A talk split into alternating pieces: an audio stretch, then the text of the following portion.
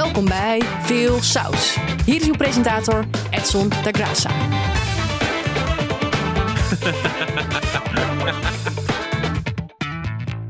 Ja, ja, we gaan waarschijnlijk weer met z'n allen twee weken in een milde lockdown. Mild als in, als je niet gevaccineerd bent, heb je gewoon pech, kom je nergens meer binnen. En dat als je wel gevaccineerd bent, je de kaartjes voor de Sound of Music weer in je reet mag stoppen. Het OMT adviseert om twee weken lang onder andere bioscopen en theaters weer dicht te gooien. Zodat we met de kerst weer samen kunnen komen om over de kalkoen te hoesten. Wat mij betreft mag die hele decembermaand in een lockdown. Altijd. Lekker rustig. Ook goed voor de portemonnee. Niet van die hebberige kinderen die aan het begin van de maand lopen te gillen naar een of andere oude dude voor cadeaus en pepernoten. Hm? Met kerst hoef ik ook niet plichtmatig familiebezoekjes af te leggen waar ik me dan helemaal scheel vreet. Ik hoef dan ook niet naar de kerk met mijn schoonfamilie om naar een acht uur durende symfonie van Bach te luisteren. Oh nee, oh sorry, ik was even vergeten. Theaters moeten dicht, maar kerken hebben natuurlijk scheid aan het beleid, want zij hebben Jezus. Het leek me nou ook eens lekker. Gewoon geen vuurwerk. Geen vuurwerkterreur van die jonge gasten die het lachen vinden om een nitraat in een hondendrol af te steken. En de huisfeestjes met oud en nieuw, die gaan gewoon door. Hè?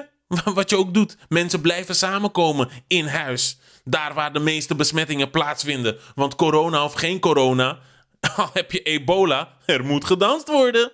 Dat gedoe met dit beleid is echt niet meer te volgen. Ik denk dat daar ook de meeste irritatie zit dan bij de maatregelen zelf. Ik begin ook steeds vaker te denken dat het woord demissionair betekent dat je geen flauw benul hebt van wat je aan het doen bent. Hebben jullie ook zoveel zin in een nieuwe lockdown? Nee, Super veel zin in. Hey joepie, gaan we de hele dag eh, in huis, gaan we feestjes houden, gaan we wijn zuipen. 300 mensen uitnodigen, DJ's zetten bij, alles erop en eraan. Wat, wat trek je aan? Wat ga je aantrekken? gaan. Ah, sexy burlesque outfit, zeker weten. En Jij? ik doe met je mee. Ja? Ja. Wat ga ik doen in de lockdown? Ja. Waarschijnlijk ga ik weer puzzels leggen. Lekker, wat voor puzzels? Ja, puzzels met, eh, met tijgers of, of kunst, schilderijen of huizen of zo. Daar Ja. dan gewoon boven hangen heel lang. ja. Ja. Alle hens aan dek, want de centrale Sinterklaas-intocht in Utrecht gaat niet door. En ik moet zeggen dat ik de discussies over Zwarte Piet ook bijna niet bespeur. Ik denk dat iedereen zich door corona erbij heeft neergelegd dat het niet meer kan. En dat de kinderen er eigenlijk geen fok om geven wie ze die nieuwe brandweerwagen of Barbie aanreikt. Als ze die maar in hun hyper hebberige tengeltjes krijgen. Sinterklaas is overigens wel welkom in alle horecagelegenheden, want de oude baas is volgens Diewertje Blok, presentatrice van het Sinterklaasjournaal, gevaccineerd. Overigens wel grappig dat ook het Sinterklaasjournaal tegenwoordig aan propaganda doet.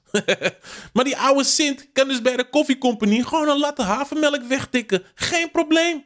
Maar goed, Wappie Piet is natuurlijk helemaal over de zijk gegaan. Tekeer gegaan tegen Sinterklaas. Heeft lopen schreeuwen: Sinterklaas, je bent een schaap. Daardoor ontslagen.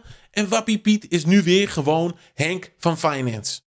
Steeds meer fictieve figuren komen uit de kast als gevaccineerden. Want ook Pino uit de Amerikaanse Sesamstraat schijnt geprikt te zijn. Het interesseert me persoonlijk geen reet of Pino, Woezel en Pip of een ander niet bestaand poppetje gevaccineerd is. Het is wel zorgelijk dat het lijkt alsof we kinderen nu ook een kant willen laten kiezen. Wie dit jaar overigens uit protest geen snoepgoed gaat inslaan, is Willem Engel. En dat terwijl de W van Wappie zo'n gunstige chocoladeletter is.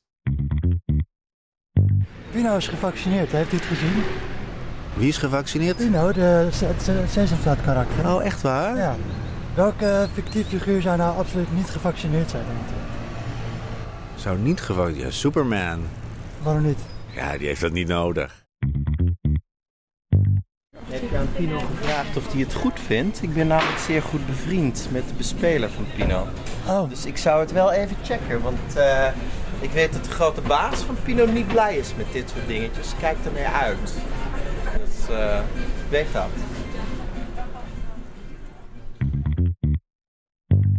Speelgoedwinkels worden tegenwoordig beter bewaakt dan Geert Wilders. Criminelen hebben namelijk Pokémon-kaarten op de korrel. Zo werd er laatst een ramkraak gepleegd op een Intertoys in Voorburg. De buit, Pokémon-kaarten en Lego. Nou, Op die criminelen kan je bouwen. Sommige kaarten zijn door schaarste en gekte nu ontzettend veel waard, maar toch, ik kan het me gewoon niet voorstellen dat je als geharde crimineel vroeger banken beroofde, mensen neerschoot, politieachtervolgingen deed en dat je nu een kluis probeert te kraken bij de Intertoys omdat je Pokémons buiten wil maken. Dat je straks op straat loopt en dealers je aanspreken. hey, hey, wil je, wil je kilootje Charizard? Uh, wil je 500 gram Gengar? Nee, nee, doe mij maar een grammetje Pikachu. Huh? Gesprekken bij de maffia lopen ook helemaal anders. Hey, yo, Paulie, what are we robbing? A casino, a jeweler? You got it all wrong, Frankie. You got it all wrong. We're going to Bart Smith. Snap je? Je hoeft nu niet allemaal te gaan rennen naar de dichtstbijzijnde speelgoedwinkel. Want de kaarten die je daar kan vinden zijn over het algemeen niet superveel waard. Want de echte waardevolle kaarten die worden aangeboden op veilingsites. Ik weet niet hoeveel deze dingen nog waard zijn. Maar ik heb hier nog een zak met flippo's. Die kan je bij mij gratis afhalen. Dit was Veel Saus met Edson da Graça, een podcast van Dag en Nacht Media. Bedankt voor het luisteren en tot vrijdag.